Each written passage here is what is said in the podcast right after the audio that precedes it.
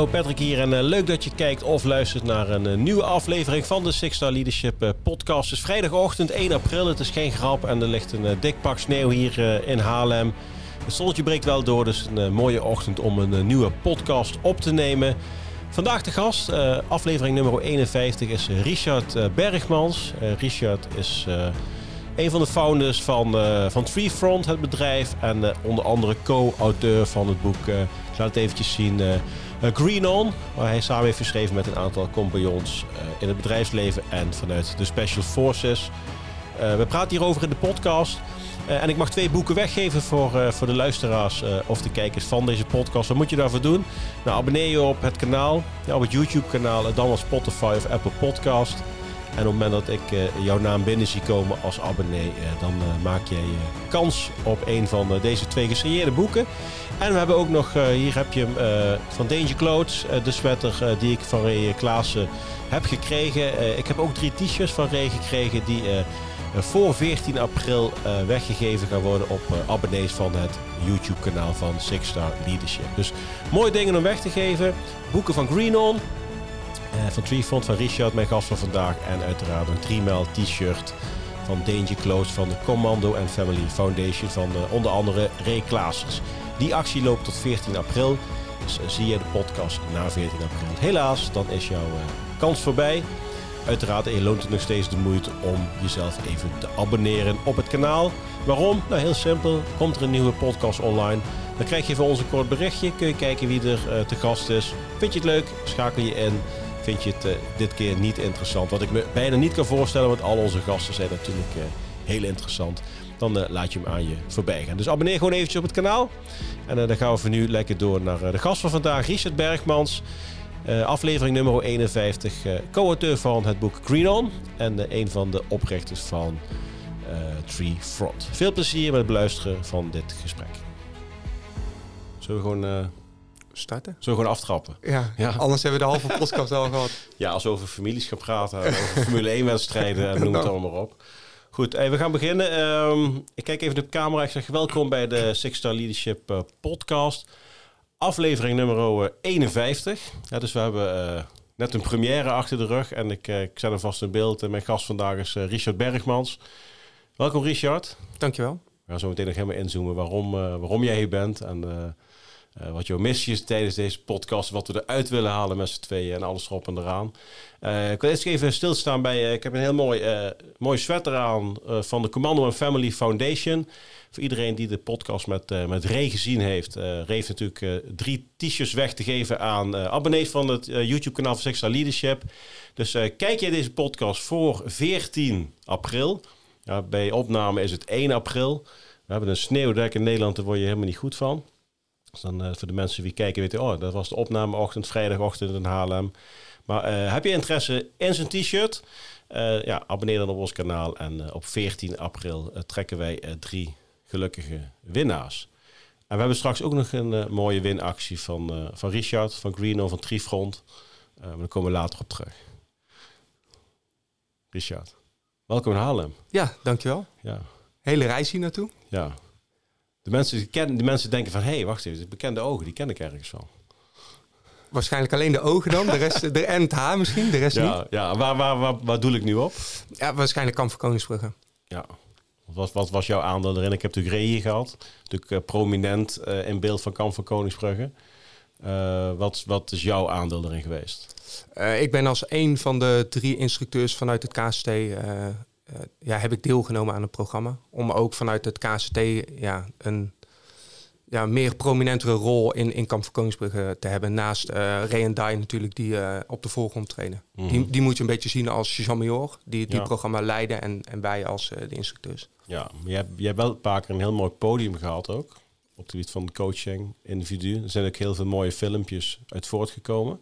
Is dat ook waar je dan nu druk mee bezig bent? Is dat ook jouw materie? Ja, dat, dat is wel uh, onderdeel van, van, van Trifront, van ons bedrijf, maar niet, niet primair wat, wat we dagdagelijks doen. Maar meer gewoon vanuit mijn rol destijds bij het KST als instructeur van de commandoopleiding. Ja, dat is daar je kerntaak. En, mm -hmm. en dat is super mooi werk. En dat is mooi dat je dat ook in, in deze hoedanigheid kan doen. Ja, dus jij bent Richard van Kamp van Koningsbrugge. met de stofdoek voor zijn neus. Ja. Oké, Ja. heel goed. Hey, waarom, jij zou eigenlijk aflevering eh, nummer 50 zijn. Ja, het jubileum. Eh, ja, maar ik heb jou vrij afgegeven. Gelukkig. Ja, gelukkig hè, want eh, jij was even een weekje, weekje weg. Vertel eens. Ja, een weekendje weg. Ehm, vorige week ehm, eh, is Frank. ons bedrijf Driefront bestaat uit drie co-founders, waarvan Frank de, de eentje is, de tweede is. Ehm, en die is vorige week eigenlijk eh, weggegaan bij het Korps Commandotroepen. Dus die werkt volledig voor ons, voor Driefront. Ehm, en wij vonden het gewoon een leuk tripje om hem te onboorden eh, tijdens de Formule 1 in Jeddah. Dus daar hebben we een, een uitje van gemaakt. ehm, met z'n drieën. Ik heb mijn vader nog meegenomen. Hij heeft zijn vader ook nog meegenomen. Dus uiteindelijk werd het een trip met z'n vijven. Oké, dus eh, Richard, Frank, En Thomas. Thomas, die Ja. is nog wel zeg maar in actieve ja, dienst. dus dat is niet zijn echte naam. Nee. Ehm, Gaat hij op termijn ook eh, uit de kast komen? Ja, nou ja, dat, ja, dat is wel de bedoeling. Hij heeft Ja. nu nog eh, een werkhond, ehm, Cliff. En de, ja, de, de hond is nog te jong om met pensioen te gaan. Ehm, als hij nu dus weggaat, moet hij de hond achterlaten. Ja, en als, zoals bij Defensie, je buddy laat je ook niet in de steek. Mhm. Zo'n band heeft hij daadwerkelijk met zijn hond. Dus hij, hij gaat ook niet weg voordat zijn hond, eh, voordat zijn hond mee kan nemen. Nee, oké. Hoe was het in Jeddah? Want jullie waren ook sponsor van Red Bull, toch? Ja, dat was mooi hè? Huh? We Hoe ja, heb je dat voor elkaar gekregen? Ja, niet gewoon extra bij laten drukken en eh, gewoon op de bluff daarheen gegaan. Eh, maar wel, ja, was een super mooie trip. Ehm, Maar je had het op het shirtje echt gedrukt? ja, ja, Oh, zeker. Ja. Ja. Dus het was een beetje eh, op glad ijs. Maar er waren heel weinig Nederlanders, sowieso heel weinig westerse mensen. Dus daar kon het niet, niet aan liggen. Ja, natuurlijk een, een, een incident daar nog, eh, nog gehad met de, met de aanval. Eh, verder niets van meegekregen, maar de race zelf. En, en gewoon, wij vinden tijd voor thuis heel belangrijk, met elkaar heel belangrijk. Nou, dat komt ook terug uh, straks waar we het in het boek over gaan hebben. Mhm. Dus voor ons was het ook gewoon samen zijn, ehm, leuke dingen doen en niet alleen maar hard werken en ja, met je werk bezig zijn. Ja, maar het was, het was eigenlijk de introductie van, van Frank. Ja, dat, dat was de excuus waarvoor we het gebruikt hebben. Ja, Ja, oké. Zo zijn zo is de vrouwen wijsgemaakt. ja, ja. dus die gaat deze podcast niet kijken. Goed, nou maar even goed. Ik, 85% van mijn eh, kijkers en luisteraars zijn mannen. Dus de kans dat de vrouwen mee gaan kijken, die, eh, die, is, die is vrij klein, denk ik. En met een mooie race gezien? Ja, de, de race was super. Ja. Heel weekend daar natuurlijk geweest. Ehm, ja, en met kerst op de taart dat Max dan ook eh, de race wint. Ja, in, weer een van de laatste rondes. Ja, heel goed. Hey, ja, de reden waarom, waarom je natuurlijk hier zit, eh, enerzijds, je hebt natuurlijk een eh, lange militaire achtergrond, veel gedaan. Ehm, eh, jullie zijn met elkaar Trifron begonnen, het bedrijf natuurlijk. Nou, Sixer Leadership is de verbinding tussen defensie en het bedrijfsleven. En ik wijs er even naar, hier staat die achter me. Green On, ja, een bestseller. Ja. Uiteindelijk geworden. Eh, heel mooi boek. Ik heb hem ook gelezen. Ik heb hem eigenlijk in twee stukken gelezen. Een deel in Nederland en een deel toen ik zelf in, eh, in Zweden was. Even rustig eh, alles doorgenomen. Heel interessant hoe jullie de dingen in beschrijven. Kun je eens wat meer over, over het boek vertellen, voordat we wat meer de diepte in gaan? Ja, dan, dan denk ik dat we eerst een stuk de tijd in moeten gaan hoe dat dan ontstaan is. Want ja, net, net als wat Dai heel terecht zei, eh, zegt met, na het schrijven van zijn boek. Het is voor hem was het ook nooit de intentie om een boek te schrijven. Voor mij ook niet. Sterker nog, op school had ik altijd een onvoldoende voor, eh, Schrijven. Voor, schrijven. Ja. Eh, maar we, Is dat, nog, is dat nog een vak trouwens? Schrijven? ik, zou, ik denk het wel, want mijn zoontje heeft ook altijd een onvoldoende. Dus ik denk dat dat, wat, dat waarschijnlijk Ja. ook voor schrijven is.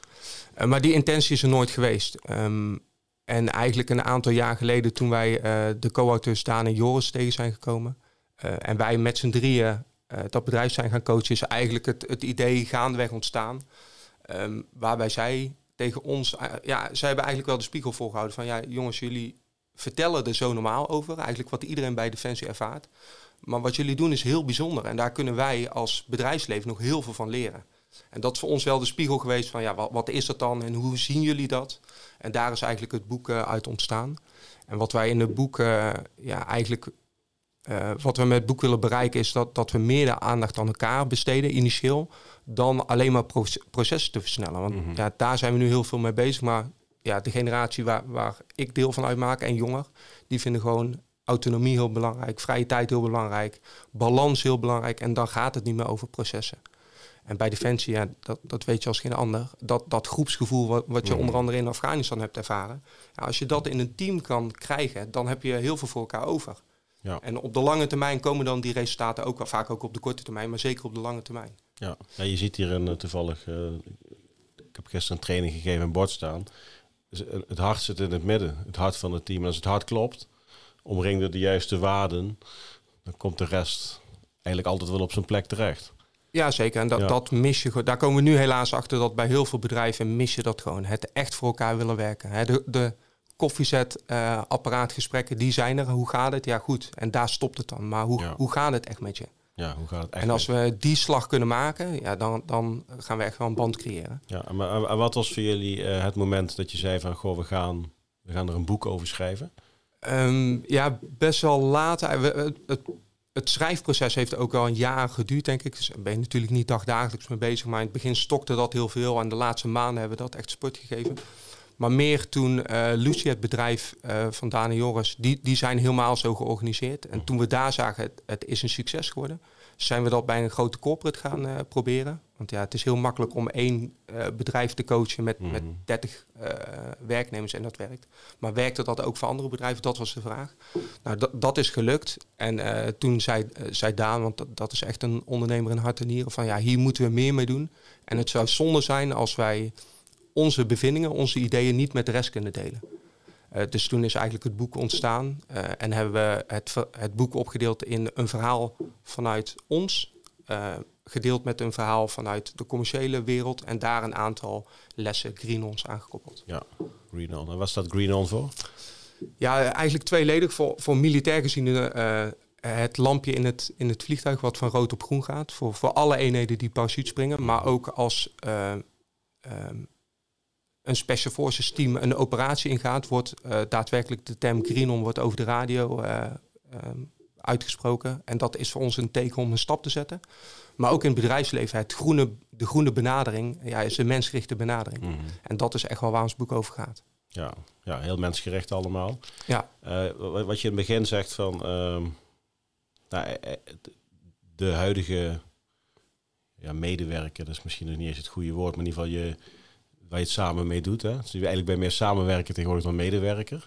Ja, Als je dus in ieder geval, eh, want anders ga je meteen in hiërarchie denken. Als je medewerker bent, betekent dat je voor iemand werkt. Samenwerken, dan eh, doe je het vanuit de authenticiteit al meteen samen. Ehm, geef je aan van, ja, weet je wel, een stukje zo de vrijheid om te ontplooien, het op een andere manier inrichten van je werk. Is dat een doel of is dat een, ehm, eh, misschien wel iets wat je nodig hebt om tot de beste manier van werken te komen?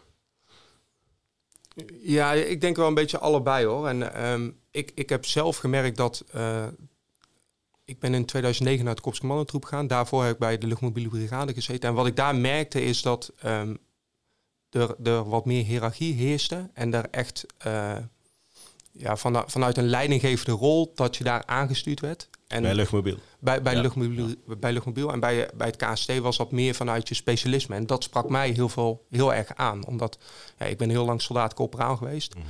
Ehm, en bij luchtmobiel werd je wat minder gewaardeerd in, vanuit je rol. Ehm, en, en bij het KST, ja, dan krijg je daar in één keer heel veel autonomie in. Mhm. En dat is iets wat we ook in het bedrijfsleven proberen ehm, mee te geven. Van ja, waardeer iedereen op, op zijn kennis, of niet zozeer op zijn kennis en kunnen, maar op de, de, de invulling van zijn rol, zijn deeltaak in het geheel. En dat is natuurlijk een hele andere benadering.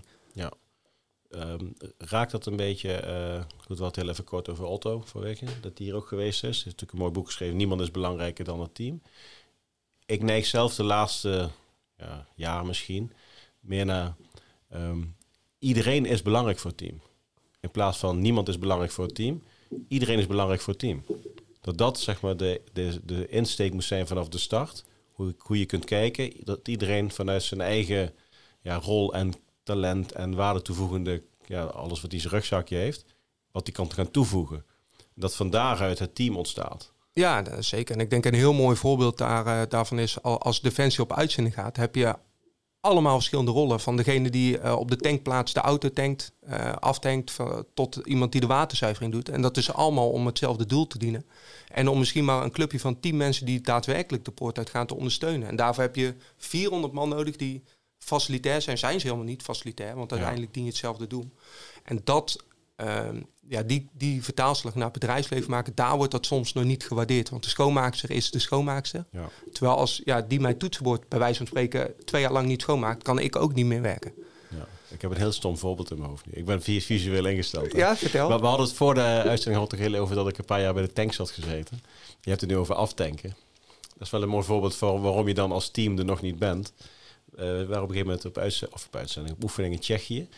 Uh, dat was het, het jaar dat uh, de Enschede, uh, die explosie was. Dus 2000 was dat, denk ik. Rino, Rino Drasco heette dat volgens mij. Ik weet niet meer zeker. Die tank stond iets scheef. De tank kun je aan twee kanten aftanken. Dus wij hangen die slurf erin. En we zijn maar aan het tanken en tanken. Zijn nog niet klaar? Ja, nee. Tanken, tanken. Op een gegeven moment zegt iemand anders. Aan de andere kant guts alle diesel er weer uit. Weet je wel? Dit is dus een mooi voorbeeld van, ja, iemand moet ook de rol oppakken dan om bij wijze van spreken even aan de andere kant te blijven zitten, zodat je samen op een niet-ideale aftankplaats, want je staat gewoon schuin, uh, samen een knijpje het oog houdt. Alleen, dat is geen belangrijke rol, dus niemand doet het, dus ja, je bent er niet mee Niet bezig. in het eerste opzicht een belangrijk lijkt Precies. Maar achteraf, uh, het, hoeveel brandstof heeft het gekost? Even los van het milieu. Laten we zoals dat we in een oorlogssituatie zouden zetten. Doet er dan eventjes niet toe. Je bent brandstof kwijt, je bent tijd kwijt. Uh, weet ik wat er allemaal had kunnen gaan Frustratie. gebeuren. Frustratie. Dus uiteindelijk de rollen van aftanken. De meest belangrijke rol was dan misschien wel geweest... degene die aan de andere kant was gezet... om even te checken of je klaar was. Ja, nou, en dat, dat zie je in, in ja, heel veel verschillende opzichten. Zie je dat gewoon in het bedrijfsleven. Helaas. Ik, ik kreeg ook Greenpeace achter me halen, snap je? Dat ja, is, uh... ja. toen mocht dat nog. toen mocht dat nog, ja. ja. Dat was toen nog Russisch. Nee. Maar dat dit soort kleine stomme dingen uh, zie je continu in het bedrijfsleven. Ja, nou, en dat, dat maakt uh, denk ik wel defensiemedewerkers in het algemeen. Die, die zijn gewoon anders ingesteld. Uh, en daar gaat vaak wel het groepsbelang boven eigenbelang. Mm -hmm. En in het bedrijfsleven is het toch nog steeds wel heel individualistisch. Ja. Maar dat is niet generiek, generiek natuurlijk. Nee, er zijn nee. altijd uh, uitzonderingen. Maar dat, dat is wel uh, ja, een beetje de trend die je daar ziet. Hoe goed ze het ook willen en kunnen verbloemen. Ja. Want als je het vraagt, dan, dan zijn ze daar natuurlijk allemaal niet mee eens. Maar als je dan uh, mensen uit gaat dagen door ze in een hele andere context te zetten. Ja. En dat bedoel ik niet gelijk kamp van Koningsbrug, maar dat is wel een heel mooi voorbeeld. Hè? Mensen uit een isolement halen, afbellen en tot de kern komen. Ja, dan zie je dat mensen echt wel primair gaan reageren. En dat ze dan wel in één keer uh, hun individu belangrijk vinden dan het groepsbelang. Ja, je, jij komt uit Roosendaal. Uh, je hebt ook echt een, uh, ja, ja, je was geboren om bij Defensie te gaan, denk ik. Ah ja, dat, dat denk ik niet. nee, maar dit, vertel eens, want jij bent, hoe oud was je toen je erin ging? En, en wat is jouw motivatie geweest destijds? Ja, ik ben gelijk vanuit mijn middelbare school bij, bij Defensie gekomen. Ook wel omdat mijn, mijn opa was ook commando. Mijn oom uh, zit bij, zat toen bij de luchtmobiele brigade. Mijn broer uh, zat toen bij de luchtmobiele brigade. Uh, mijn ouders hebben helemaal niets met defensie. Maar ja, het leek mij gewoon heel uitdagend met groepen ja. werken. Ik, ik, had wel een beetje vanuit huis uit meegekregen.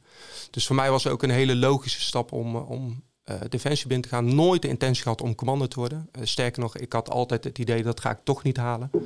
Maar door omstandigheden is dat zo gelopen. In, in Oeruzkan met, met die jongens in aanraking gekomen. En toen dacht ik, ja, als al die studenten dat kunnen, dan ga ik het maar proberen. Ja. En zo is uiteindelijk daar mijn carrière begonnen.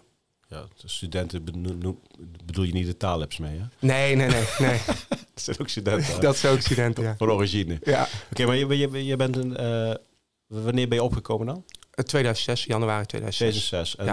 toen ben je uh, ook naar Afghanistan geweest met luchtmobiel? Ja. Welke eenheid is dat geweest dan? 11 Bravo. Oh, met 11? Ja. En dat, dat is dan in 2000... Uh, eind 2007, begin 2008, nee 2008 denk ik. Ja, oké. Okay. Want wij zijn, ik ben met 13 daar geweest. Oké. Okay. Dus dat was juli, december. En toen hebben jullie ons denk ik... Uh, dat, ja, zou, volgens mij wel. Dat zou heel goed kunnen, ja. Jullie hebben ons afgelost toen. Weet je, je bent in TK geweest? Ja, ja ik in heb, White Compound. Ik heb in Deerhout gezeten, ja. Ja, andere tijd. Maar toen maakte je de overstap van luchtmobiel naar KCT. Ja. Na de uitzending zeg Ja, gelijk daarna uh, eigenlijk het traject ingaan. Dus kennismakingsdagen, ECO, VCO. Uh, en bij de 105 commando troepencompie gekomen. Ja, je schrijft er ook wat over in het, uh, in het boek. neem eens mee hoe dat gaat in het begin. Nou, ik weet nog wel heel goed dat, uh, dat ik voor de allereerste keer op de kazerne in Rosa kwam. Ik, ik woon in Rosa, dus voor mij was dat best wel een ja, van wow, ik, ik mag op de kazerne komen. Uh, maar dat viel toen alles mee, want ik, ik was, ja, meisjes bij Luchtmobiel was best wel direct. En daar kwam ik aan en waren ze allemaal in één keer heel sociaal en schreeuwden ze eigenlijk niet. En dat, vond, dat moest even bezinken in mijn hoofd. Um, en eigenlijk uh, ja, is, is, de opleiding mij wel goed afgegaan. Dus je had een beeld als jongetje opgebouwd wat er achter die muren... Ja, en dat was helemaal niet zo. Nee. Het waren helemaal geen grote Rambo's die, die schreeuwden. Een goed voorbeeld is hoe, hoe Ray uh, in Kamp Koningsbrugge is. Nou, zo gaat het daar uh, 9 van 10 keer ook. Um, ja, en eigenlijk heb ik een prima opleiding gehad. natuurlijk heel veel zware momenten gehad. Mhm. en een aantal momenten dat ik dacht ik stop. Maar ehm, ja, toch met goed gevolg afgesloten. En uiteindelijk als sniper bij, bij een van de parate compie gekomen. Ja, en hoe lang heb je uiteindelijk bij het KCT gezeten? Acht, acht of negen jaar. Acht of negen jaar. Ja, dus eerst in de ploeg gezeten, daarna ehm, instructeur geworden van de commandoopleiding en zo uitgestroomd. Ja, ik, ik, ik heb zelf van het, uh, van het vooroordeel militair zijnde, heb ik in het begin best wel, uh, ja, niet last, maar wel mee moeten omgaan. ik werd aangenomen omdat ik ex-militair was. dus als ik leiding gaf, zocht iemand die strak was en iemand die dan op discipline en die voor de structuur zorgde. En en toen, ja, oké, prima, weet je wel. Maar dat was dus niet, van tevoren was dat niet de intentie waarom ik aangenomen werd. Maar dat zochten ze dus, zo'n persoon. En dan liep ik, zeg maar, naar het team toe. Ja, dan gingen we natuurlijk gewoon elkaar goed leren kennen. En dan kijken waar iedereen zijn kwaliteit had liggen. En dan gingen we kijken, poppetjes op de juiste plek. Alleen de baas die me inhuurde, die dacht van, wat is dit? We zouden toch... Huh? Zweep erover. Ja, ik, heb, ik heb niet voor niks een militair binnengehaald. Ja, ja maar wij, ik, ik, ben, ik heb een hekel aan hiërarchie. Huh? Ja, maar jullie zijn toch hiërarchie? Ja, maar eh, ik zeg, ik zeg ook wel eens van... Uh, je hebt een leidinggevende, maar op het moment moet iedereen de leider kunnen zijn. Op het moment dat dat in zijn straatje past. Want dat, misschien is het als, het, als het rood is, is het rood. Nou, dan als Pietje best bij rood past, moet hij de stap zetten om ook die leidersrol op te kunnen nemen. Ja, dan, dat was in het begin was het echt zo van. Dus ik, ik zeg nu ook heel duidelijk als iemand de slag, ja luister. Dit is voor mij wel defensieleiderschap dit is vaak hoe het vanuit buiten de muren gezien wordt. Zeker. Ja, maar er zit een heel groot verschil tussen. Ja, en, en in dat opzicht is het natuurlijk heel goed dat er een programma uh, zoals Kamp Koningsbrug is. Om een, keer een kijkje te nemen. Ja. En daar moeten, dat is ook niet geen tactieken en technieken verteld worden, maar wel hoe gaat het daar nou? Want het stereotype commando is nog steeds iemand met een mes tussen tanden die alleen ergens naartoe gaat en alles oplost. Zo kwam je wel binnen, maar die heb je net afgelegd. Nou, dan hebben ze ja, telkens een domper als ik ergens voor de club sta. Ja, ja. Nee, maar mensen die, die, kijk, de mensen die ons nu vinden, of die jullie vinden, die, die, die, die weten dat. Die kiezen daarvoor. Kijk, maar ik, ik praat hier over 2008. we hebben een militair ingehuurd. Ja. Andere perceptie, andere Goed, jongens, even schoenen uit, we gaan mediteren. oh. Dat ook? Heb, je, heb jij daarin wel een, een, een kentering uh, meegemaakt binnen Defensie? Dat, dat je wel een verandering hebt gezien in de manieren van leiding geven en omgaan met elkaar? Nee, ja, ik vind dat lastig, want ik heb maar drie jaar bij Luchtmobiel gezeten en de rest van mijn tijd bij het KST. En, en daar zit je echt wel in je isolement. Wel, uh, ja, eigenlijk sinds dat ik sergeant ben geworden, moet je natuurlijk al die verplichte cursussen doen. En daar kom je wel in aanraking met de andere eenheden. En daar zie je wel dat ja, bij sommige eenheden wel de omgangsvorm heel anders is. Um, en dat is niet aan gebrek uh, van kennis en kunde, maar gewoon omdat de cultuur daar nog anders is. Mm -hmm. Je hebt KMS gedaan ook? Ja. In Weert nog? Of? Uh, ja, volgens mij een van de laatste lichtingen in Weert. Ja, hoe heb je dat ervaren? Ja, ik, ik, kan me wel makkelijk aanpassen in een, in een andere omgeving, maar het was voor mij wel heel erg schakelen. Mm -hmm. En niet, um, ja, meer omdat um, het, het was echt weer hiërarchisch. En uh, dat, dat, dat stootte mij wel tegen het verkeerde been aan. Want zo ben ik als persoon niet, maar zo wa waren wij ook in Roosal niet. Ja, en toen moest je in één keer weer alles uh, volgens een bepaalde structuur. Ja, maar wat, wat was er dan? Wat, wat, zag je wel het nut van het vormen erin? Of zeg je van gewoon, het is een totaal andere cultuur? Ja, het, het vormen zag ik wel. Alhoewel, uh, ja, denk ik dat, dat ik misschien al wel te veel gevormd was. Mm Door, bij Luchtmobiel word je al heel erg gevormd. Sowieso je initiële opleidingen, zeker bij het KST ook weer. Ja, dus het vormend element misschien wat minder, maar wel ja, structuur in hoe geef je nou les, didactisch. Mm daar, daar leer je natuurlijk wel uh, veel. Ja. ja, goed, ik, ik vertel het even kort wat mijn motivatie was om Defensie uit te gaan. Hoe dat gegaan is, zeg maar. Uh, heb je dat ook erkend op de KMS dan? Dat je vanuit een bepaald niveau uh, zonder daar een oordeel over te hebben. Maar het is heel simpel. Je, een, een, een SF-operator heeft een ander skillniveau dan een reguliere logistieke soldaat. Maar die heeft wel andere kennis voor zijn dingen uiteraard. Als je dan plotseling op de KMS komt, krijg jij instructie van een adjudant van 55 of 60 jaar die net tegen zijn pensioen aanzet, dat dat schuurt, zeg maar. Zonder daar iets over te oordelen, want iedereen doet op zijn eigen manier. Ja, ik denk wel dat ik dat gemerkt heb, maar ik heb er wel ook heel veel dingen geleerd. Mhm. uh, want uh, wat ik zei bij het KC zit je gewoon uh, altijd in je eigen ben met je eigen dingen bezig, maar eigenlijk alle militaire basisvaardigheden. Ja, daar, die doe je daar niet zo heel vaak. En daar leerde ik wel heel veel van. Hè? Want een, daar hadden we het voor het gesprek mhm. ook over. Ik denk een sergeant bij een infanterie-eenheid, dat is echt een leidinggevende. Die, die moet echt veel kennen en kunnen. Terwijl een sergeant bij een Special Forces club is gewoon een operator. Een luitenant trouwens ook. Hij is wel leidinggevende op papier. Maar ja, dat zijn allemaal uh, mensen die vanuit hun eigen kennis kunnen mhm. handelen. Daar hoef je bijna geen sturing aan te geven. Terwijl bij een reguliere eenheid ben je mega veel sturing aan het geven. En dat heb ik daar wel gezien. En zeker op, uh, tijdens de PV. Mhm. Dat, ja, ben je al wat langer sergeant, dan, dan hoor je dat van mensen. Dat, dat zij wel meer het leidinggeven anders hebben ervaren, zo moet ik dat zeggen, denk ik. Ja, oké. Dus toen ik met mijn jongens een Oeruzgan patrouille ging, dat was, dat is een hele andere opdracht.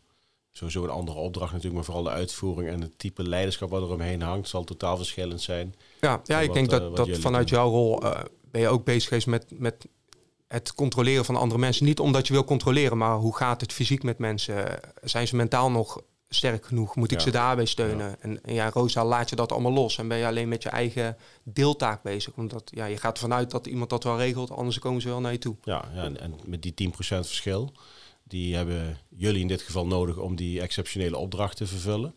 En wij moeten vanuit regulier op zo hoog mogelijk niveau kunnen acteren.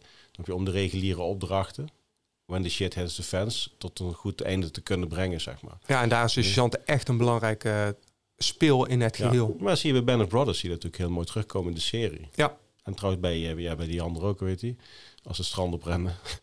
of het nou kwijt. Met Tom Hanks.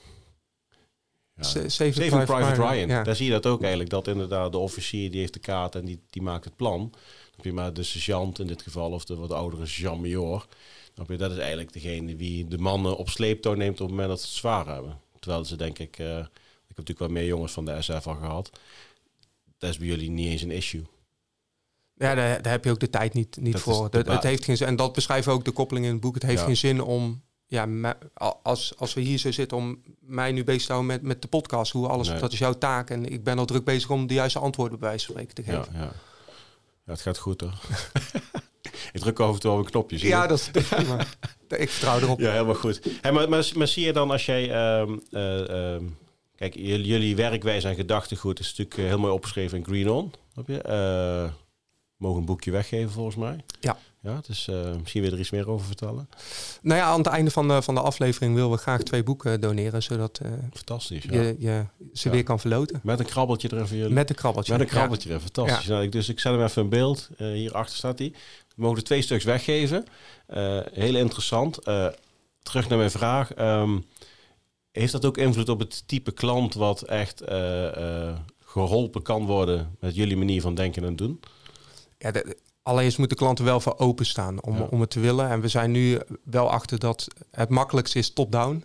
Uh, maar bottom-up is, is ook mogelijk. Als mensen maar willen veranderen. En in het boek beschrijven 16 krinons, 16 praktische tips. Mhm. Maar als mensen er één doen, is dat ook al prima. Ja.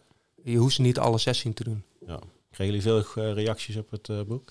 Ja, ja. Heel veel. Want hoe lang hebben jullie op nummer 1 gestaan van Managementboek? Uh, ja, nou, best wel een tijd oktober uitgekomen. Ergens wel tot, uh, tot eind november. En dat, dat is best wel voor een managementboek is dat wel uniek. Mm -hmm.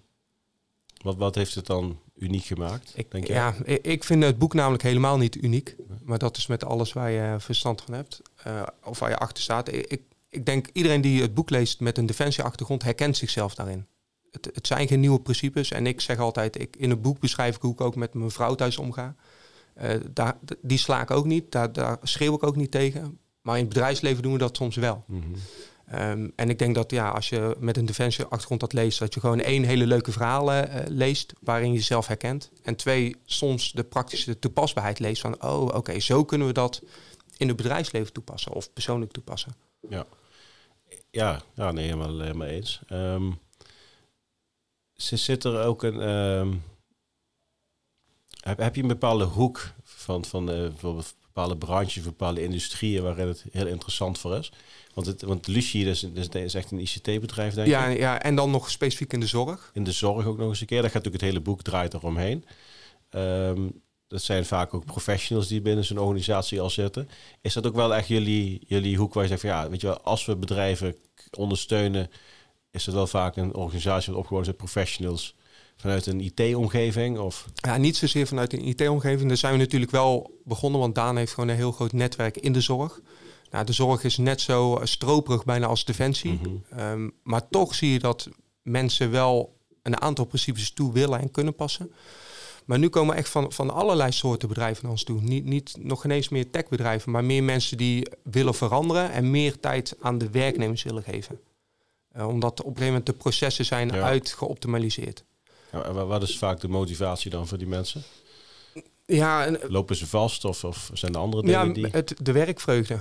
Eh, dat, dat mensen, de ziekteverzuim wordt heel hoog, de werkvreugde wordt minder. Mhm. Er wordt heel erg geklaagd onderling, achter ruggen gepraat. En ja, je voelt dan dat er iets is, alleen ze kunnen dan niet te zeer een vinger op de plek leggen. Ja. Hoe, lang, hoe lang ben je nu in de civiele sector uh, werkzaam? Uh, drieënhalf jaar. Oh, drieënhalf jaar. Ja, jij eerst begonnen um, als manager op, in een productiebedrijf. Mm -hmm. nou, dat, dat was, ik denk, uh, wat iedereen bij Defensie ervaart. was niet echt mijn ding. Nee. Wel heel veel geleerd, want ik leerde daar wel. Uh, een productiebedrijf gaat juist om processen, maar als je daar. Maar dan stuur je een productielijn aan of een ja, team? Ja, of, ja. ja een productielijn onder mij. Um, en wat, wat, waar ze daar altijd heel veel moeite mee hadden, werkten heel veel uh, buitenlandse mensen. Bijvoorbeeld met, met Ramadan, dat ja, was altijd een groot debakel, wie gaat werken. En ik heb een heel mensgerichte aanpak. En daar besteedde niemand tijd aan de werknemers. Er werkten heel veel Poolse mensen en er was altijd harde werken, maar eigenlijk geen tijd uh, voor, voor leuke dingen, geen tijd voor pauzes, dat soort zaken. Ja, en ik heb geprobeerd om daar een andere benadering, uh, hoe het, uh, waar we het ook over hebben gehad voor de uitzending, om, om dat daar binnen te brengen. En dan zie je gewoon dat mensen iets voor elkaar over gaan hebben. En ze gaan dan niet per definitie gelijk harder werken, want ja, productie, als je dat optimaliseert, dat gaat niet harder. Nee. Maar wel onderling. En af en toe, als iemand eerder met pauze wilde, dat iemand anders zei, ja, dan ga ik wel even aan die band staan. Of ging ik daar zelf staan als manager. Wat in hun opzicht helemaal niet kon, want ik was de manager. Terwijl ik mezelf een van de collega's zie, want ik ben faciliterend aan de rest. Ja. Omdat als diegene niet aan de band staat en ik ga alleen maar op mijn ivo in mijn ivoren torentje zitten, en dan gaan we geen productie draaien. Dus daar heb ik wel heel veel geleerd. Um, en daarna ben ik uh, bij een Engels bedrijf gaan werken wat uh, technische middelen en, en opleidingen verzorgde in de COVID-industrie. Uh, dus ja, het plaatsen van bakens van de auto's en, en het leveren van zijn spullen. En toen ben ik ja, toen werd het zo druk met Trifront dat... dat, dat maar, maar, maar hoe is Trifront dan ontstaan uiteindelijk? Want jij, jij zat dan zeg maar uh, als productiemanager uh, in het bedrijf daar. Ja, de, het is nog iets daarvoor ontstaan. Toen, toen ik nog wel in Roosendaal werkte met, met die twee collega's. Ik heb met Thomas in de ploeg gezeten, met, met Frank ook. niet, niet direct in de ploeg, maar die zat wel bij de 105. En wat we in 2016 begonnen zijn, was eigenlijk een bootcamp plus schooltje, mhm. activiteit. En dat, we vonden het leuk om dat te doen. Had helemaal geen structuur, leefde ook helemaal geen geld op. Het kostte alleen maar geld, maar was gewoon leuk met z'n drieën trainen. Maar wat we daar wel merkten is dat we eigenlijk sporttraining gaven, maar dat mensen ook met hele andere vraagstukken kwamen. En zodoende is dat geëvalueerd, geëvalueerd en, en zijn we uiteindelijk bedrijfstraining gaan geven.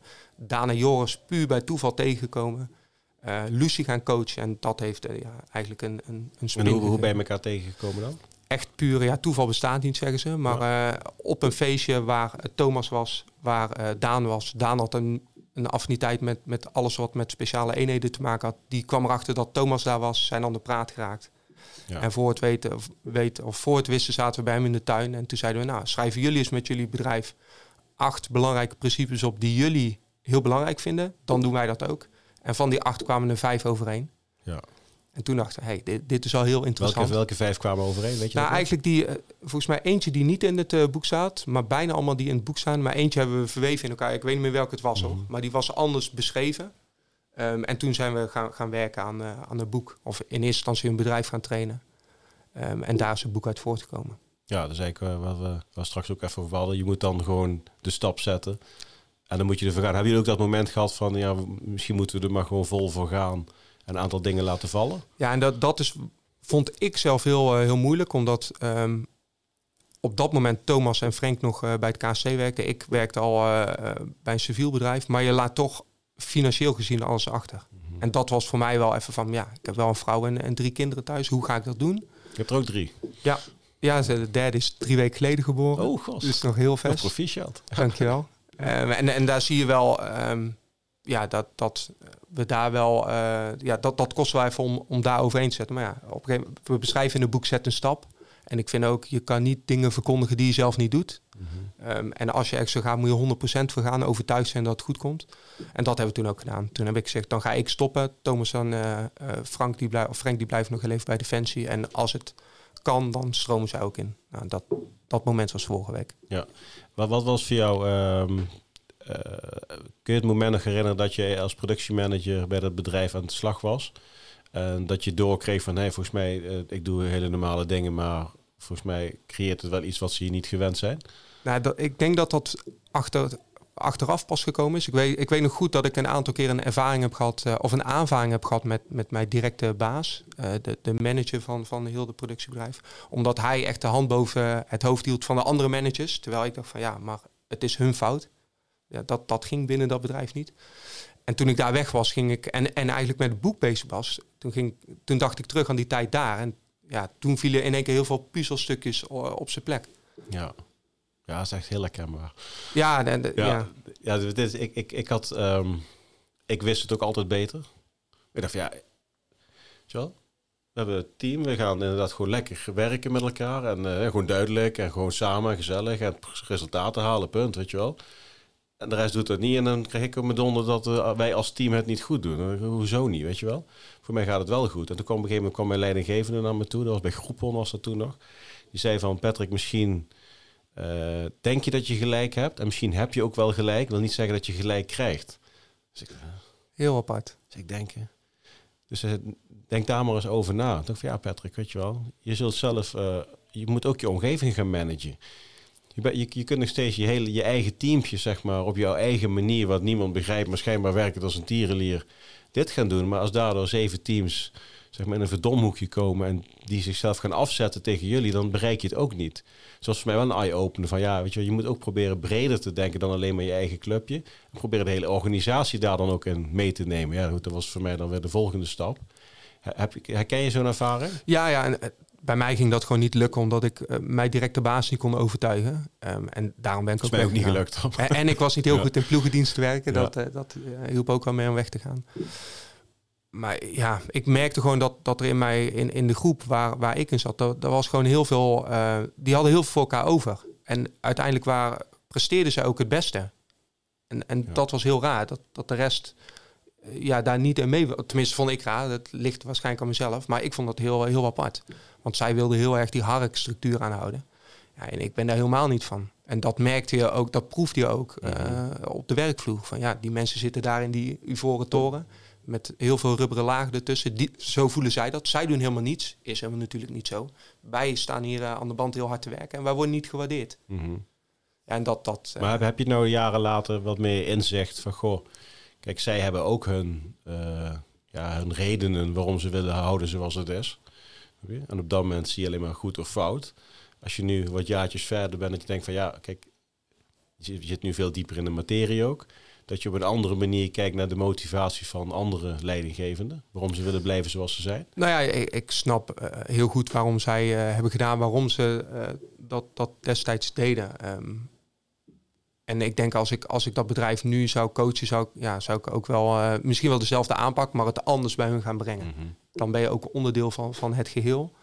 Ehm, en nu sta ik er ook van, ja, van buitenaf, kan, kan je dat heel objectief observeren. Ja.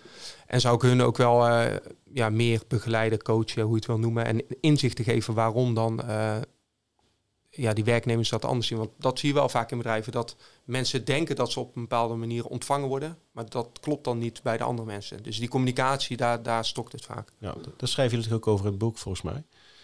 Ja, Dat daar daar s- staat wel een stuk dat, in. dat, dat zeg maar je, je, je, eigen, je eigen beeld en de beeld naar buiten toe, dat dat vaak helemaal niet met elkaar eh, matcht. Nee, dat, dat, dat klopt. Dat, dat zie je wel vaak terug. Het schrijfproces, heeft dat jou ook gevormd, of misschien jullie gevormd in, in zeg maar het kijken naar eh, het verder ontwikkelen van de materie, waar jullie natuurlijk als SF'er al jaren mee bezig waren op je eigen manier. En dat dat schrijfproces jullie ook heeft gedwongen om eh, nog dieper daarover de- over na te denken. Ja, ik denk dat we alle principes, die, die hadden we militaristisch gezien heel scherp. We wisten Ja. donders goed wat dat inhield. Alleen de vertaalslag van hoe Civiliseren, doe je dat nou? civiliseren. Ja, en dan de, de kleinste dingen waarvan ik toen echt benul had van... heeft dat zo'n impact? Dat, dat genereert juist... eh, Noem, noem eens een voorbeeld. Ja, echt... eh, op tijd komen. Iets wat bij Defensie uh, natuurlijk vanaf begin uh, ingedrild wordt. Ja, ik vind te laat komen. Ik, ik heb daar persoonlijk een hekel aan. Maar mhm. te laat komen kan. Alleen het dan niet laten weten, dat vind ik heel storend. En dat, dat heeft ook weer met communicatie te maken. Dat zijn wel dingen, als klein voorbeeld, die, die wel in het bedrijfsleven heel veel gebeuren. Van ja, mhm. het, accepteer maar dat ik te laat ben. Nee, daar gaat het niet om. Laat gewoon heel even weten. Ja, ja. Het zijn hele stomme dingen die je als vanzelfsprekend zeg maar, meeneemt in je hoofd. Ja, maar ook het eerlijk zijn uh, tegen elkaar, het, het, het uh, feedback geven aan elkaar. Nou, de kamp van Koningsbrugge zie je ook. Uh, dat, dat kan op heel veel verschillende manieren, maar mhm. vaak gebeurt het niet. Want we willen allemaal de cohesie heel hoog houden. Maar daar gaat het niet om. Het gaat niet om dat ik jou als persoon niet mag. Het gaat erom dat je jouw rol niet goed uitvoert. Mhm. En bij Defensie doen we, daar zijn we daar natuurlijk heel sterk in. Ja, en door een ander, te, een ander te helpen om beter te worden, help je eigenlijk het team. Ja. Want door als het individu op een hoger niveau gaat zetten, kan die ook weer meer teruggeven. Hey, jullie zijn natuurlijk wel, uh, ja, jullie stappen langzaam aan allemaal defensie uit. Terwijl je ook een promotor bent van datgene wat je gedaan hebt. Uh, snijdt dat soms niet een beetje uh, aan twee kanten dan?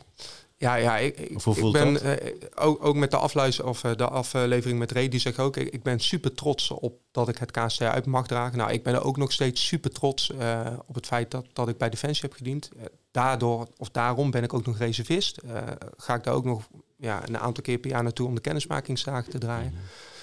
En ik vind het juist wel heel mooi dat ik um, de rest van Nederland kan laten zien, omdat ik nu best wel vaak een podium krijg, wat Defensie nou allemaal wel niet betekent voor Nederland.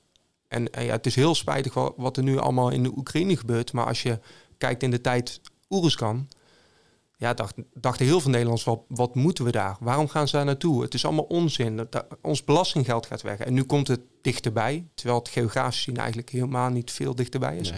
Maar voelen mensen dat in één keer? En nu is defensie wel belangrijk. Nou, en dat, dat vind ik wel heel belangrijk om uit, uit te dragen. Van ja, maar dit doet defensie al honderden jaren. Politie, ambulancemedewerkers, eigenlijk alle dienders van Nederland. En dat wordt, uh, wordt wel eens vergeten. Ja. Ben je nu uh, burger bent ook anders gaan kijken naar uh, het politieke landschap en naar het leiderschap? Ja, misschien in, in een wat groter geheel. Bij, bij, bij het KC ben je wel heel erg bewust van de geopolitieke situatie en, en op een wat hoger niveau. Maar ja, wel. Ik vind het wel interessant hoe mensen op verschillende manieren leiding kunnen geven. Mm uh, dus ja, daar ben ik, uh, boeken lezen vind ik nu ook in één keer veel leuker worden dan, uh, dan toen ik in Roosel zat. Dat deed wat minder in die tijd? Of? Ja, de, ik denk dat heel veel jongens dat wel hebben. Je wil gewoon de beste zijn in je, in je vak. En je, mm -hmm. en je moet alles la je laat alles voor, om, om dat doel te bereiken. En bij ja. mij schoten zulke dingen er dan bij in. Ja. Wat, wat ik zelf ervaar uh, kijk, als je in de defensiebubbel zit, het maakt denk ik niet zoveel uit welke eenheid, want iedereen heeft zijn, uh, zijn eigen eenheidsniveau waar hij precies op zijn plek zit. Uh, ja, dan dien, dan dien je de vlag. Ik heb mezelf nooit afgevraagd van, goh, waarom is die, is die keuze wel goed dat we X, Y of Z gaan doen? Dat was gewoon, je deed dat gewoon vanuit je rol. dat was gewoon je baan, maar ook gewoon je passie en je leven op dat moment. en nu ben ik eruit. Ja? En ik ben, ik ben dus geen lid van de NATRES. Ik heb er wel heel lang over nagedacht. Ik wil dat eigenlijk wel weer gaan doen. Alleen dan denk ik van ja, weet je, politiek gezien, pas ik, pas ik daar nog wel in? Of sta ik er nog wel achter? Dat is een hele andere bewustwording. Hè? Dus het gaat niet over beleid goed of afkeuren. Ik denk er op een andere manier tegenaan. Ik zal niet blindelings meer, zeg maar, dienen dan. Ja, ik snap al wat je bedoelt. Ik, ik heb dat zelf Dat is een heel nagevoel, weet je dat? dat? Dat is denk ik, oh, dat is heel raar. Want ik heb altijd wel altijd dat gedaan, zeg maar. Alleen omdat je op een andere manier gaat kijken naar het apparaat. Uh, denk van ja, ik wil ook gewoon zelf bepalen dan of ik daarachter kan staan of niet. Maar goed, als je je vlaggetje op je mouw, dan ben je ervan, weet je wel? Ja, ja dat, dat is zo. Ik, ik heb dat zelf nu nog niet, maar ja, je, weet gewoon dat er uh, natuurlijk politiek bepaalde besluiten genomen worden. En op social media en televisie alleen uh, maar één informatiestroom aan voorzieningen gegeven wordt. En wij krijgen gewoon als civiel Nederlands staatsburger niet, niet alles mee. Dus die besluiten, ja, daar, daar hangt veel meer omheen dan dat wij weten.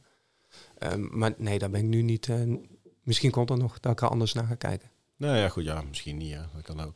Nee, maar ik vind het wel interessant als je, en ik, ik merk dat vaak, dat als, als ik nog reunietjes heb uh, of oude collega's uh, praat, zeg maar, um, dan gaat het totaal niet over politiek. vind ik heerlijk hoor. Daar zijn we gewoon niet mee bezig. Nee dan gaat het echt over. Hey, weet je wel, dan ben je heel snel weer ondergedompeld. En dan ben je gewoon weer, daar hadden we het van tevoren even over natuurlijk.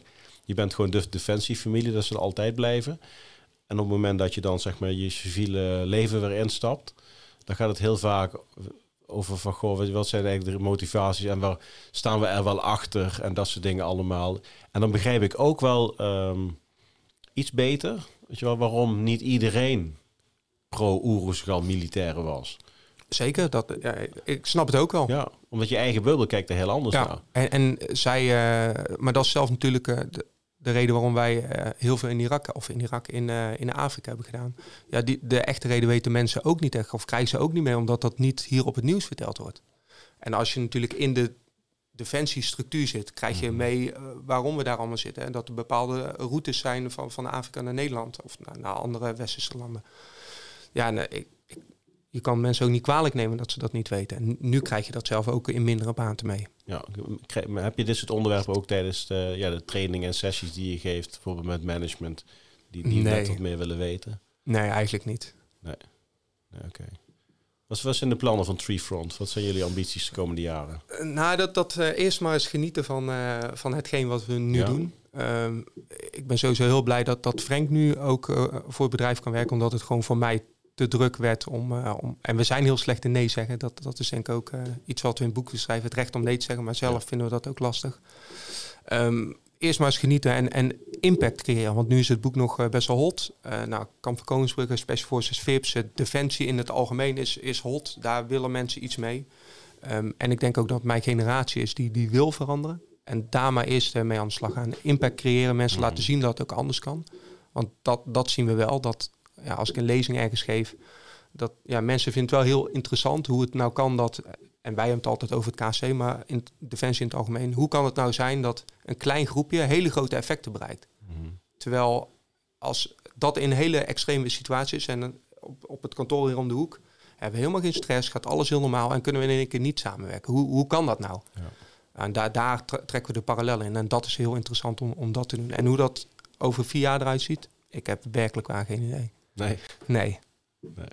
Gewoon echt, jullie, je, je hebt wel zeg maar van dit jaar willen we Tuurlijk, ja. hier aan werken. Ja, en ook volgend jaar, maar op de lange termijn, eh, nee. Dan, uh... Nee, maar dat Triefront uiteindelijk een merk wordt en door gaat groeien, dat, dat is wel een, een, een Ja, maar we willen het ook niet uh, mega groot maken of zo. We willen het gewoon lekker met z'n drieën houden. Um, en, en in ieder geval kunnen blijven onderwijzen waar wij in geloven. Ja, het moet forefront worden. Ja, ja dan, uh, nee, dan moet iets anders gaan verzinnen. Je kunt niet groeien naar vier. Dat is uh, nee, heel mooi, heel mooi. Nou goed, ik denk dat uh, ja, voor de kijkers en de luisteraars, lees het boek. Maak, ik zou zeggen, subscribe je op het kanaal, dan maak je dan maak je kans. Dan, dan, maak je kans om er één te winnen. Win je niet, die kans, de kans is groter dat je hem niet wint. Dat is gewoon, ja, statistisch gezien gewoon zo. Dus win je hem niet, uh, nou, ga dan uh, even naar bol.com of naar jullie website misschien. Ja, ja bol.com inderdaad. Bol.com, dan uh, schaf hem aan, lees het boekje. Want er staan ten eerste hele, ja, hele mooie verhalen van jullie persoonlijk. Ik denk dat dat al voor de verbeelding spreekt. gekoppeld en, en, en, en, doe je denk ik maar iets in het bedrijfsleven. Denk hey, ik werk met een teamje, ik werk met uh, wat gasten samen. We willen wat, wat slimmer gaan werken, wat leuker gaan werken. Nou, dan zit er altijd één, twee, drie, misschien wel vier dingen die je meteen mee kunt nemen de werkvloer op. Wat, wat heb jij eruit gehaald? Nou, ik vind vooral die, uh, het, het, nadenken over rollen. Ja, dat is iets wat, uh, wat ik echt... Ik zei, wacht, dat doe ik nog niet. Uh, vind ik heel interessant. Um, en dan zoek je zijn over het, oh ja, het, echt het klein maken. Het klein maken van en dat doe ik eigenlijk wel. Alleen als je het bewust doet, dan denk ik, hey, kan ik nog een stapje kleiner. Dat is echt iets van, hey, weet je wel, het kan nog kleiner. Dus, dus jongens, ga echt op, op zijn micro doelen zetten. Dan heb je tik af met elkaar, heb je, heb je planning daarin. Kijk, en als je dan dat zorgt, ja, ik, ik zei zelf altijd, weet je, de juiste dingen doen met de juiste mensen op de juiste manier, op het juiste moment. Ja, dat is natuurlijk een heel mooi rijtje. Ja. Maar door jullie boek heb ik wacht eens eventjes, ga, eens even, ga dan nou eens snel terug en maak het dan nog kleiner. Ja. Ik en volgens mij, ja, misschien kun je beter zelf uitleggen wat ik daarmee bedoel met dat klein maken. Nou ja, het, het maakt, je, maakt je heel wendbaar. En, en het zorgt eruit. Ik haal altijd het voorbeeld aan uh, van, van de parachutespringen. Um, door, door dingen op te delen, heel klein te maken. Het is best wel een complexe handeling om, om te doen. Maar als je dat opdeelt in hele kleine stapjes, het heeft geen zin als je nog het vliegtuig in moet stappen om bezig te zijn met waar ga ik landen. Ja. Ehm, en om dat helemaal op te delen in hele kleine stapjes, kan je dat afsluiten voor jezelf. En dan kan je volledige focus bouwen op hetgeen wat je moet doen. En daar kan je dan ook over nadenken, ja, wat als dit stapje fout gaat? En zo kan je, als je die stapjes heel klein houdt, dan kan je jezelf heel makkelijk aanpassen, omdat je niet een plan gaat maken voor, voor een heel jaar, voor een hele operatie. Ja, ja nee, het is, het is ontzettend toepasbaar. En, en uh, ja, dat was wel weer eventjes voor mij zelf ook, van, ook, ook met alles waar ik mee bezig ben. Patrick gaat het eens even klein maken. Wat, wat zijn jouw stappen die je de komende jaren wil zetten? Maak ze klein, wel. En, en van daaruit zijn er ook gewoon wat ideeën ontstaan. Dus dat is gewoon wel hartstikke leuk. En uh, ik zelf gebruik er wel van, ja, als je snelweg aan het aanleggen bent, je komt er halverwege achter dat je bij de verkeerde uh, eindpunt uit gaat komen. Ja, hoeveel mensen blijven gewoon doorgaan om die snelweg te bouwen, omdat ze de opdracht hebben om die snelweg te bouwen. Ja, als je inderdaad de kleine stukjes doet, dan kom je er op een gegeven moment achter dat je misschien stukje asfalt wat meer naar rechts moet gaan leggen. En dan bouw je gewoon door. Ja. Op de juiste plek. Misschien een beetje onhandige bocht in de snelweg zit op een gegeven moment. Ja, maar ook om daar uh, een stap voor te doen. Wij, wij gaan ook wel eens naar bedrijven en dan uh, te, om te kijken hoe, hoe plannen jullie nou? En wat bij Defensie heel erg in de structuur zit, in het planningsproces, is het eerste terugkoppelmoment na een aantal minuten. Um, en als je dan terugkomt op die snelweg, wat in het bedrijfsleven gebeurt, is we gaan gewoon gelijk bouwen. En dan in één keer uh, zit er een bocht in de weg. Terwijl als we, net als bij Defensie, een terugkoppelmoment doen van hebben we de opdracht goed begrepen in je eigen bewoording. Want een, een woordje kan qua nuance even verkeerd vallen. En dan gaan mensen echt verkeerd bouwen. En dat gebeurt. We hebben echt al een aantal voorbeelden gehad dat mensen gewoon drie weken uit elkaar gespat zijn. Terugkomen en dat gewoon iets heel anders uitgewerkt is. Ben je drie weken kwijt. Ja.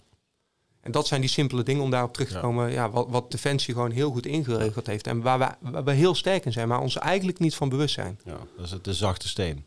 Ja, ja zeker de zachte steen. Zeker weten. Die, komt het weer, toch? Ja, maar die, die werkt echt heel goed. Ja, misschien wil jij even uitleggen wat dan de, de zachte steen is. Nou ja, de, even, een, eh, even jezelf terugtrekken en, en op de spreekwoordelijke zachte steen gaan zitten. Om, om na te denken over wat je, welke informatie je net ontvangen hebt, verkregen hebt, de opdracht. En na te denken over uh, de uitvoering, zodat je in je eigen woorden uh, kan vertellen aan de opdrachtverstrekker wat hij nou van jou verwacht. Ja, ja en dan kan hij, hij kan dan luisteren van oké, is dit wel wat ik verwacht? Ja. Nou, dat zal vaak voor 90% kloppen, alleen die 10%.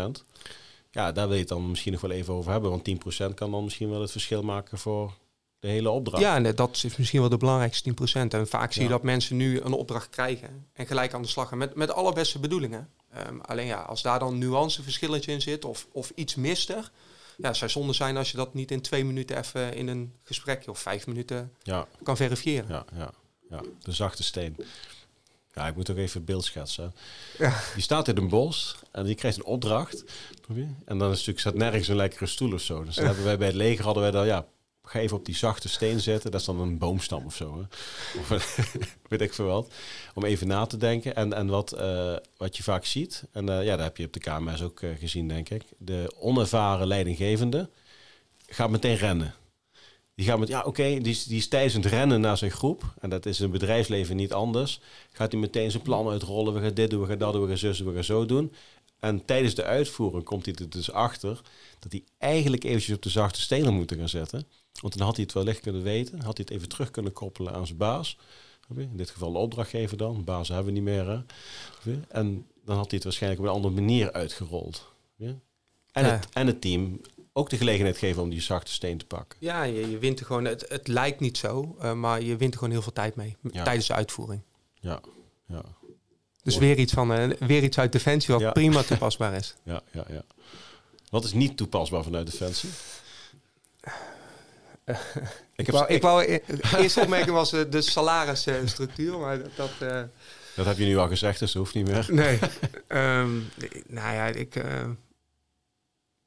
ja, ik denk toch wel iets wat, wat met HR je, wat, te maken Wat heb je moeten afleren tijdens jouw eerste jaren als, als burger? Ja, ik ja, vind ik lastig. Ik, ik ben niet zo hè, afgestomd hoe dat in de volksmond bij, bij het fans zit. Dat, dat ben ik helemaal niet. Uh, maar misschien toch wat, uh, wat soepeler worden in bepaalde uh, aspecten. Bij de fans ben je gewoon heel, is het gewoon strikter. Mm -hmm. En bij, in het bedrijfsleven is het wat meer fluïde. De, de kantjes worden daar wat meer benut, het grijze gebied. Heb je, heb je moeten wennen aan het feit dat niet iedereen zoals jou is? Ja. ja dus dat is één. Ja. ja. Ben, ben er achtergekomen dat je daar aan moest wennen? Ja, die, die spiegel heb ik al, eh, denk ik, wel gelijk voor me gekregen. En dat, dat, eh, dat ik had gezegd van, ah, dat gebeurt mij niet. Wat iedereen eigenlijk altijd zegt. Ehm, maar dat, ja... Je verwacht gewoon dat iedereen zoals jijzelf is, want zo werk je. Eh, maar dat, dat, gelukkig is dat ook maar niet zo. Alleen, gelukkig is dat ook niet zo. Maar daar, daar, dat had wel even nodig om, daar, om dat te laten bezinken. Het werd me wel gelijk verteld. Ehm, maar je moet dat gewoon even accepteren. En het is maar goed ook, want ik ben bij wijze van spreken geen developer. En, en zo zijn er heel veel verschillende rollen, functies, mensen. Ja. Ehm, en ik hou van op tijd komen, iemand anders niet. Maar die is weer in andere dingen heel goed. Ja, ja. ja ik kom natuurlijk een wat meer hiërarchische deel van, van Defensie. Omdat je natuurlijk net die groepscommandant ook wat meer omschrijft. Ik heb in het begin echt wel moeten wennen aan de manier van communiceren en omgaan met het team. Ik deed dat zeg maar één op één, zoals ik het ook bij Defensie deed. Dan had je in één keer vrouwen in je team. En ja, ja. Met jongens die ook gewoon een keertje te laat kwamen. als ze zondag wat veel uh, wezen stappen en allemaal. Ik heb daar wel echt wel met mijn struggles gehad in het begin. Ik dacht van, jezus, wat is dit? Ja, dat, dat geloof ik. Ja, een hoop power erin om zeg maar te compenseren. Maar uiteindelijk werkt dat averechts. En dat is mijn vliegwiel geweest om na te gaan denken van... Goh Patrick, er moet ook een andere manier zijn om alles wat je dan wel in je rugzakje hebt... zeg maar in te gaan zetten. Ja, en ik denk dat Defensie wordt daar ook al steeds beter in. Hoor. Ook een nieuwe generatie, nieuwe mensen die daar gaan werken. Het is, het is gewoon een andere benadering. Ja, ja. hoop veranderd. Worden oud, hè? Hoe jong, nou, hoe, jong, hoe jong ben je, Richard? 34. 34, oh goed. Ik ben 44. Nou, dat scheelt niet veel. Ja, dat is niet mijn favoriete nummer, man. 44. Dat is, uh, het volle is volgend jaar is 45. Volgend jaar is 45. Maar we hebben, geen, we hebben geen nummer 45, wel het grid. Nee, ja, weet ik niet. Nee, 44 wel natuurlijk. Dan, ja, 45. Uh... Ja, en dan komt Rossi, 46. MotoGP. Weer terug naar één, denk ik. ik hoop het, man. Ik hoop het. Hey, dankjewel, Richard. Ja, graag gedaan. Jij ook bedankt dat ik hier mocht zijn. Ja, ik, uh, ik vind het mooi wat jullie doen. Ik volg jullie. Ik volg jullie alle drie. Ja, dat is echt leuk. Voor de mensen die Frank zoeken, Frank is het dan Frank op LinkedIn. Ja. Als ze denken, waar is die heen? Uh, hoe kunnen ze jullie bereiken? Jullie hebben een website? Ja, www.trifon.nl of via LinkedIn, uh, Instagram. Ja, helemaal goed. Ik zet in de beschrijving uh, zet ik, wat linkjes erbij. En wat foto's. Wat, ook, heb je nog wat foto's uit het boek die wellicht erin gezet kunnen worden? Um, ja, die kan, die kan ik zeker delen. dan zet ik dat erbij. Ja. Linkje voor de winactie en dan... ja. Dan zorg ik dat, dat de handtekeningen in een boek gaan komen met de persoonlijke noot. Ja. Ik heb wel heel veel gesigneerde boeken hier liggen, weet je ja, deze nog niet, dus ik, uh, ik ga zo ook tekenen. Nou, ik, ik, ik, haal hem even weg hier. Kijk, dit, dit voor de mensen thuis, dit hele plankje hier, dat, dat is van boeken van luisteren. Van, van, ja, maar het zijn ook allemaal, ik, ik, zei al voordat we begonnen, het zijn uh, supermooie boeken natuurlijk. Ik zie Sander uh, ertussen staan, Roderick, um, Marco, Extreme Ownership. Ja, die is niet geweest. Hè? Jocko is niet geweest. Misschien Die nog een keer, Die Carter met zijn boek. Dus geen managementboek of geen leiderschapsboek. Ja, van Um zat erbij natuurlijk. Van Um, ja. Dus een uh, mooi reis. Simon Sinek. Team Ability. Ja. Roderick. Niels Roelen. Ja. Ken, ken je Niels? Ja. Naam, ja. Ja, de, mooie, uh, mooie ja, reis. Dat is niet, niet zomaar een reis. Trots dat we daar, daarbij mogen daar zijn. Kom je, daar kom je dus, niet zomaar tussen. Misschien komt daar, Daarom ben ik eruit gehaald. ja. Nee, maar misschien komt ik, ik, ik, ik zit zelf ook na te denken, weet je wel. Ik, maar goed, dat is weer een mooi doen, weet je wel. En ik, dat is ook zo'n ideetje van, goh, ik, ook al een paar jaar van, goh, ga eens gewoon opschrijven van de dingetjes die je hebt meegemaakt als jonge leidinggevende. Maar daarna ook weer jonge leidinggevende in het bedrijfsleven. Want je bent eigenlijk jezelf twee keer opnieuw aan het uitvinden. En uh, nou is iedereen boek aan het schrijven. Dus net als met de podcast toen. Hè? Ja, maar het, het is wel zonde. Eh, maar dat is mij, mij uh, zienswijze. Zonde om het niet te delen. Want je hebt zelf zoveel lessen geleerd. En de mensen die nu het bedrijfsleven instappen of defensie instappen, die lopen tegen diezelfde problemen aan. Ja. Dus waarom zou het niet delen? Door de podcast ook, hè? Zeker, ja. Dus, dus maar ik vind, ik vind het wel een... Um, um, ook jullie boek, het is wel echt iets om heel erg trots op te zijn, denk ik. Het is een naslagwerk. Uh, en over 100 jaar staat hij nog steeds op de plank. Ja, en, en we hebben er gewoon... Kijk, um, Frank en Thomas, dat zijn uh, vrienden in, in hart en nieren, die ken ik al heel lang. Maar ook Daan en Joris zijn gewoon zulke goede vrienden geworden. En dat hou je er ook aan over. Dat krijg je gratis bij. Ja. Dank wel, Richard. Graag gedaan. En dan komt het gesprek met uh, Richard alweer uh, ten einde. Uh, mooi om te horen en te zien hoe Richard met passie vertelt over ja, de doelen die ze met dit, dit moment met Treefront aan het zetten zijn. Hun achtergrond vanuit de Special Forces. En hoe zij in staat zijn om bedrijven te ondersteunen in, in de groei van hun organisatie. Natuurlijk heel erg dicht bij wat wij met Sixer Leadership ook doen. echter denk ik wel dat er wezenlijke verschillen zijn. En met Sixer Leadership zitten we veel meer op het traject ervoor, zodat je eigenlijk tot een omgeving kunt gaan komen waarin jij met de Green Ons aan de slag kunt gaan.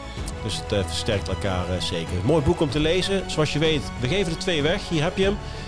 Dus heb je interesse in een van deze twee gesigneerde boeken? Abonneer dan op het kanaal van Six Star Leadership. Dat kan op YouTube, Spotify, Apple Podcasts, Google Podcasts. Noem ze allemaal maar op. We zijn overal te vinden. en we hebben natuurlijk ook nog steeds de t-shirts van Danger Clothes. Die we weg mogen geven aan kijkers en luisteraars van Six Star Leadership. De actie van de t-shirts loopt tot 14 april. En eh, de boeken zullen een paar weekjes later weggegeven worden. Nou, tot zover. Ik wil je bedanken voor het kijken. Ik wil je bedanken voor het luisteren. Ik wil Richard bedanken voor het komen naar de studio in Haarlem door de sneeuw onderweg hier naartoe. En uh, we kijken uit naar, uh, naar een vervolg. Aflevering nummer 51. Dankjewel voor het kijken. Patrick hier. Einde bericht.